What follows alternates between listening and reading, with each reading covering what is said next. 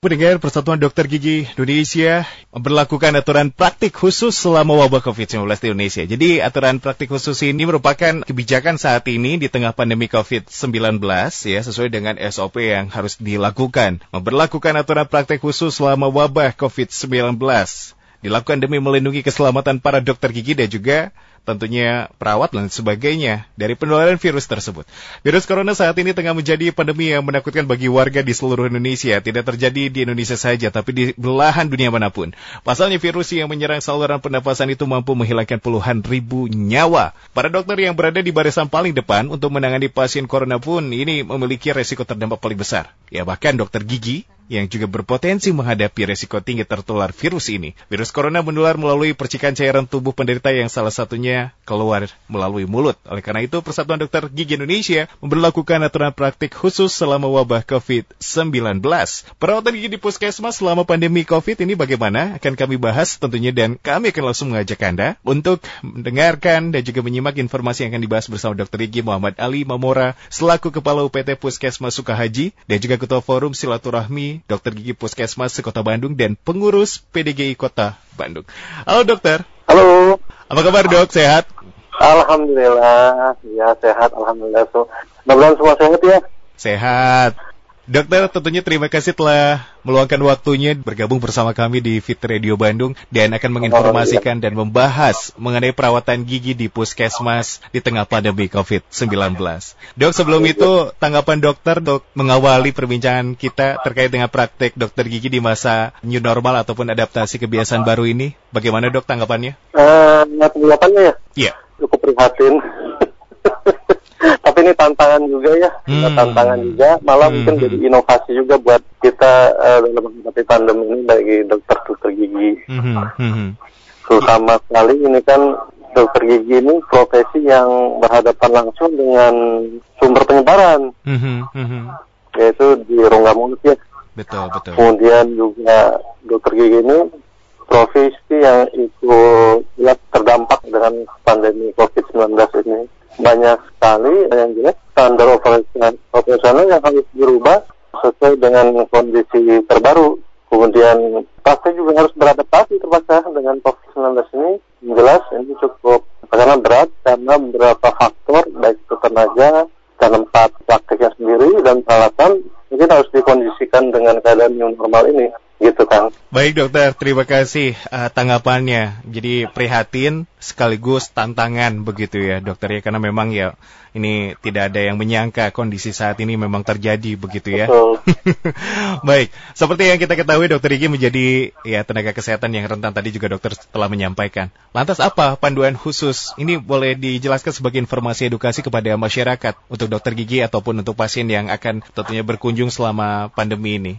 Iya, yang jelas sih ini kan uh, semua dokter gigi terutama yang praktik itu harus mm -hmm. mengikuti perkembangannya. Mm -hmm. dan mencari terus informasi tentang COVID-19 ini. Apalagi sekarang kan banyak ada webinar segala macam ya Kang ya? Betul betul. Yang, jadi jangan sampai kita tertinggal informasi. Tadi barusan saya mendengar juga nih radio ini katanya di Malaysia sudah ada tipe yang terbaru. Betul betul. Oh kan itu sudah bikin deg-degan lagi gitu tapi ini ya, jangan jadi pikiran kan biar kami yang memikirkan gitu. Oke okay, baik betul betul. Kemudian untuk puskesmas sendiri diharapkan mengikuti himbauan dari dinas kesehatan kota Bandung juga karena kan kita di bawah dinas kesehatan kota Bandung. Jadi untuk saat ini untuk pelayanan kita masih menggunakan pelayanan tidak langsung. Jadi melalui hotline kang. Jadi teknologi kita manfaatkan. Kemudian yang jelas semua dokter gigi diharapkan mengikuti panduan atau pedoman yang dikeluarkan oleh PBPDGI karena di situ mengatur semua tentang alat pelayanan, kemudian cuci tangan, pemeriksaan suhu, kemudian bagaimana ruang tunggunya, kemudian ruang gantinya, termasuk penggunaan APD yang sangat penting ya Kang ya. Level 1, 2, dan 3 itu ada semua di situ.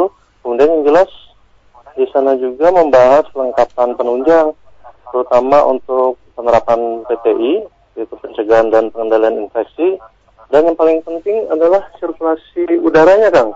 Karena itu kan virus ya, nah, apalagi dia bisa droplet itu, nah itu sirkulasi udara harus betul-betul karena gigi itu menghadapi aerosol yang yang dari droplet itu.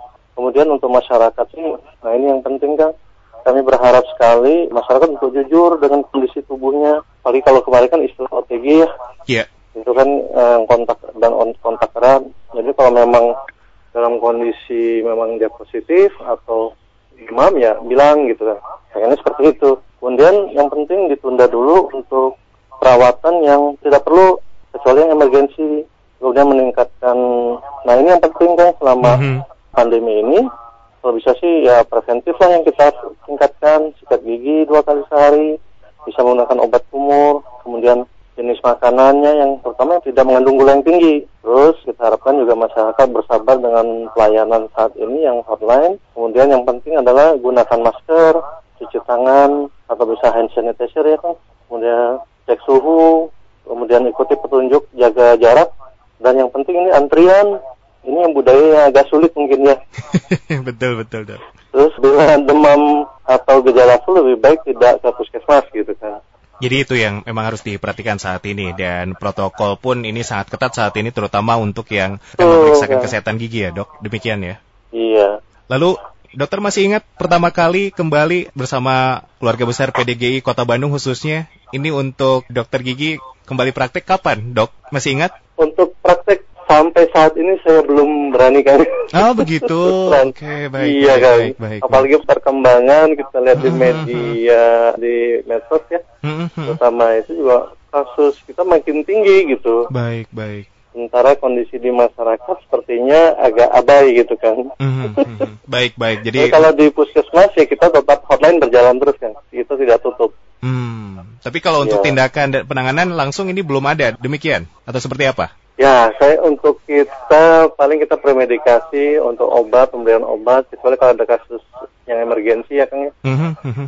Tapi kalau untuk tindakan-tindakan seperti penambalan itu atau scaling itu kita hindari dulu karena itu aerosolnya yang dapat menyebabkan penyebaran droplet lebih tinggi gitu. Oke baik.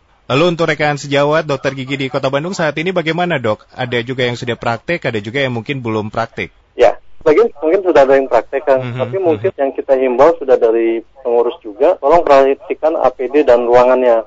Kemudian kelengkapan alat-alat untuk pencegahan seperti kita kan eh, dihimbau untuk menggunakan vakum aerosol, kemudian kita harus ada air purifier, exhaust yang penting kan. Jadi sirkulasi udara itu betul-betul harus dijaga. Ya jadi tentunya itu ya yang harus diperhatikan ya karena memang belum semua dokter gigi khususnya di Kota Bandung ini membuka kembali praktik secara langsung begitu ya dokter ya. Pun Kang, iya kan. itu dia. Dok, tapi tidak apa-apa ini kalau misalkan di Puskesmas Sukahaji sendiri saat ini masyarakat kan memang di- diperbolehkan atau masih dipersilakan untuk konsultasi secara online kecuali yang urgent ya dokter Iya. ya, yang memang genting ataupun Betul. yang penting untuk langsung tindakan. Ini kebanyakan saat ini yang sering dikeluhkan permasalahan gigi apa saja dok? Yang jelas yang kasus klasik aja Kang. Ya, sakit gigi, berdenyut atau bengkak yang masih sering ya. Kemudian gigi berlubang, gigi bungsu nih yang tumbuh nih Kang yang Gigi bermasalah, bungsu. sering Hmm. bermasalah. Iya, bungsu itu ternyata jadi masalah kalau di gigi Kang. Kemudian konsistensi gigi sulung itu yang gigi anak masih ada tapi gigi dewasanya sudah tumbuh. Nah itu sering bermasalah. Kemudian sariawan dan gusi berdarah, ya itulah beberapa penyakit gigi yang paling sering dikeluhkan di masyarakat. Ya, baik itu dia tentunya permasalahan yang sering kali memang dikeluhkan begitu ya, gigi bungsu, bolong, bengkak begitu ya. Mohon. Lalu, nah ini penanganannya sendiri kalau misalkan memang dalam penanganannya saat ini bagaimana dokter? Apakah hanya diberikan resep langsung swamedikasi pasiennya ke apotek atau bagaimana saat ini? Iya. Jadi biasanya dengan hotline itu seperti di si kita itu nanti akan pasien akan diarahkan. Ada pertanyaan-pertanyaan yang mungkin harus diisi. Nah, kemudian setelah itu mereka dianjurkan untuk misalnya resep. Jadi sehingga pasien akan datang langsung tinggal mengambil obat gitu kan. Jadi dia tidak menunggu, diusahakan untuk tidak lama menunggu. Jadi tinggal dia datang ambil resep, cara minumnya, segala macam dia tinggal pulang gitu kan. Jadi kita minimalisir untuk kontak dengan yang lain gitu kan. Ya, itu dia juga tentunya. Nah, ini kalau untuk di puskesmas sendiri, dokter bisa sampaikan secara detail untuk yang tidak bisa ditangani secara langsung, keluhan seperti apa, dan yang ditangani langsung, yang termasuk ke kondisi yang urgent, ini yang seperti apa juga, dok?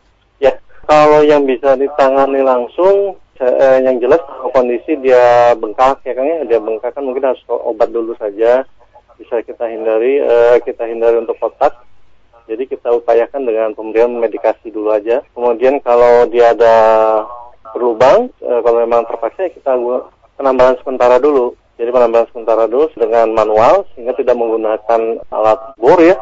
Karena alat bor itu yang betul-betul itu betul-betul aerosolnya tinggi sekali. Kemudian kalau yang tidak bisa kita laksanakan di puskesmas, ada beberapa kasus yang jelas ya, terutama kosmetik, kemudian kasus-kasus infeksi yang tadi gigi bungsu, atau perawatan endodontik yang untuk saluran akar, kita rujuk biasanya. Kita rujuk ke tingkat 2, biasanya kita ke RSKGM yang di Jalan Riau gitu kan. Mhm, mhm. Baik, itu dia tentunya ya. Jadi kalau misalkan memang kondisinya nanti urgent, nanti biasanya ada rujukan begitu ya, dokter ya. Betul Kang, ya. Lalu dokter, ini mengenai harapan dokter di masa adaptasi keadaan baru saat ini, baik untuk tenaga kesehatan atau masyarakat yang saya lihat memang kalau untuk kesehatan gigi saat ini ya begitu ya keadaannya ya dok ya. Eh, Eh, dokter gigi masih sangat aman sekali. betul betul betul itu karena tentunya kitanya inginnya tetap meminimalisir angka terinfeksi begitu ya dok ya bukannya apa-apa bukannya tidak mau menolong juga ya dok ya iya Kang, betul. Jadi dilema sebenarnya kita ini Kang. Harapan dokter sendiri tentunya di kondisi saat ini bagaimana dok mungkin bisa disampaikan kepada pendengar silakan Ya, ya terima kasih Kang yang jelas berharap sih memang pandemi cepat berlalu Kang ya. Kemudian Mhm, vaksin bisa ditemukan, bisa segera mungkin digunakan. Itu yang kita harapkan sekali. Kemudian untuk tenaga kesehatan sendiri terutama dokter gigi ya kita harapkan selalu update pengetahuan Mhm, mhm. tentang COVID-19 ya kemudian menerapkan pedoman praktek dokter gigi yang sudah dikeluarkan oleh PB, PBDGI, kemudian penggunaan APD dan PPI itu betul-betul harus dicamkan, Mhm, mhm. kemudian lakukan praktek yang aman untuk semua jadi kan, Mhm, mhm. bisa untuk dokter giginya, Mhm. kemudian untuk asisten sendiri, pengunjung dan terutama untuk keluarga kan. itu dia tentunya ya Kemudian untuk masyarakat sih, ya saya harapkan juga harapan kita masyarakat juga memahami dan menerapkan himbauan pemerintah tentang protokol kesehatan. Ya kalau saya nyebutnya kadang-kadang kalau saya lagi penyuluhan kan 3M juga seperti DBD ya kan ya. Mhm, mhm. Jadi menggunakan masker, Mhm. mencuci tangan, kemudian menjaga jarak dengan yang lain. Kemudian terutama ini untuk di kondisi di fasilitas kesehatan juga harus diterapkan. ya Yang penting tetap berdoa kan. Itu dia tentunya ya tetap ikhtiar dan tidak lupa untuk selalu berdoa dalam kondisi seperti ini. Baik, Dok, kita tahan dulu kita ke interaksi dari pendengar yang tentunya sudah bertanya melalui WhatsApp ada Pak Rudi di Katamso. Dokter, kalau saya mau perbaiki kawat gigi saya itu bisa tidak sih kalau ke puskesmas, Dok, katanya? Oh, ya terima kasih sekali. Ya ini untuk kawat gigi ya Kang ya. Betul. Kawat gigi ya itu yang saya bilang tadi Kang termasuk kosmetik. Jadi bukan tindakan yang dilakukan oleh FKTP, jadi fasilitas kesehatan tingkat pertama. Itu biasanya eh, kalau kasus-kasus itu kita rujuk ke, ke tingkat dua. Jadi di RSKGM, kayaknya bisa di RSKGM kan. Untuk kasus ortodontik gitu kan. Itu namanya kasus ortodontik gitu kan. Itu kan. Baik, itu dia tentunya demikian Pak Rudi tengah ditanggapi langsung oleh dokter. Berikutnya ada Mbak Nabila di Aceh, di Jalan Aceh ya. Dokter, untuk pemeriksaan gigi ke puskesmas itu apakah harus buat janji dulu atau bisa langsung ke puskesmas sebetulnya? Soalnya gigi saya empat hari ini selalu ngilu dokter katanya. Oh gitu, iya. Terima kasih. Yang jelas itu biasa tiap-tiap puskesmas kan itu punya nomor-nomor hotline yang sudah biasa disebarkan, di-share ke masyarakat. Kayak kita juga di-share ke hampir semua masyarakat di wilayah puskesmas Sukahaji. Jadi mereka tinggal menghubungi eh, nomor itu, nomor hotline itu, sehingga mereka nanti akan diarahkan, keluhannya bagaimana, itu akan tinggal diisi. Nanti akan diarahkan apakah cukup resep atau tindakan atau rujukan nanti gitu kan. Baik, itu dia. Saat ini kalau ada permasalahan mengenai gigi agak sedikit kesulitan ya dok ya. iya.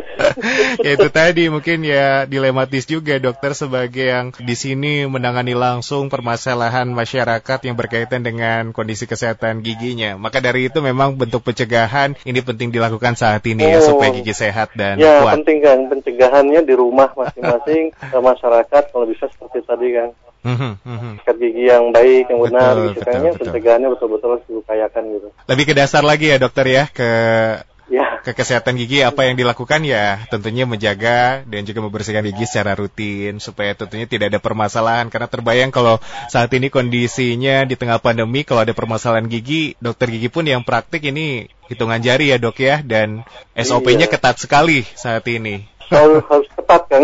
Betul, betul, betul.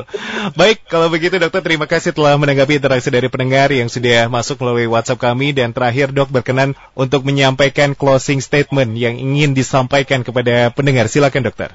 Ya, terima kasih Kang. Yang jelas sih kita harus pahami bahwa virus COVID-19 ini akan selalu berdampingan ya akan dengan kita kemudian yang jelas tidak untuk ditakuti tapi harus ya tetap harus diwaspadai gitu. Kemudian uh, yang jelas tunda dulu untuk perawatan gigi bila tidak emergensi.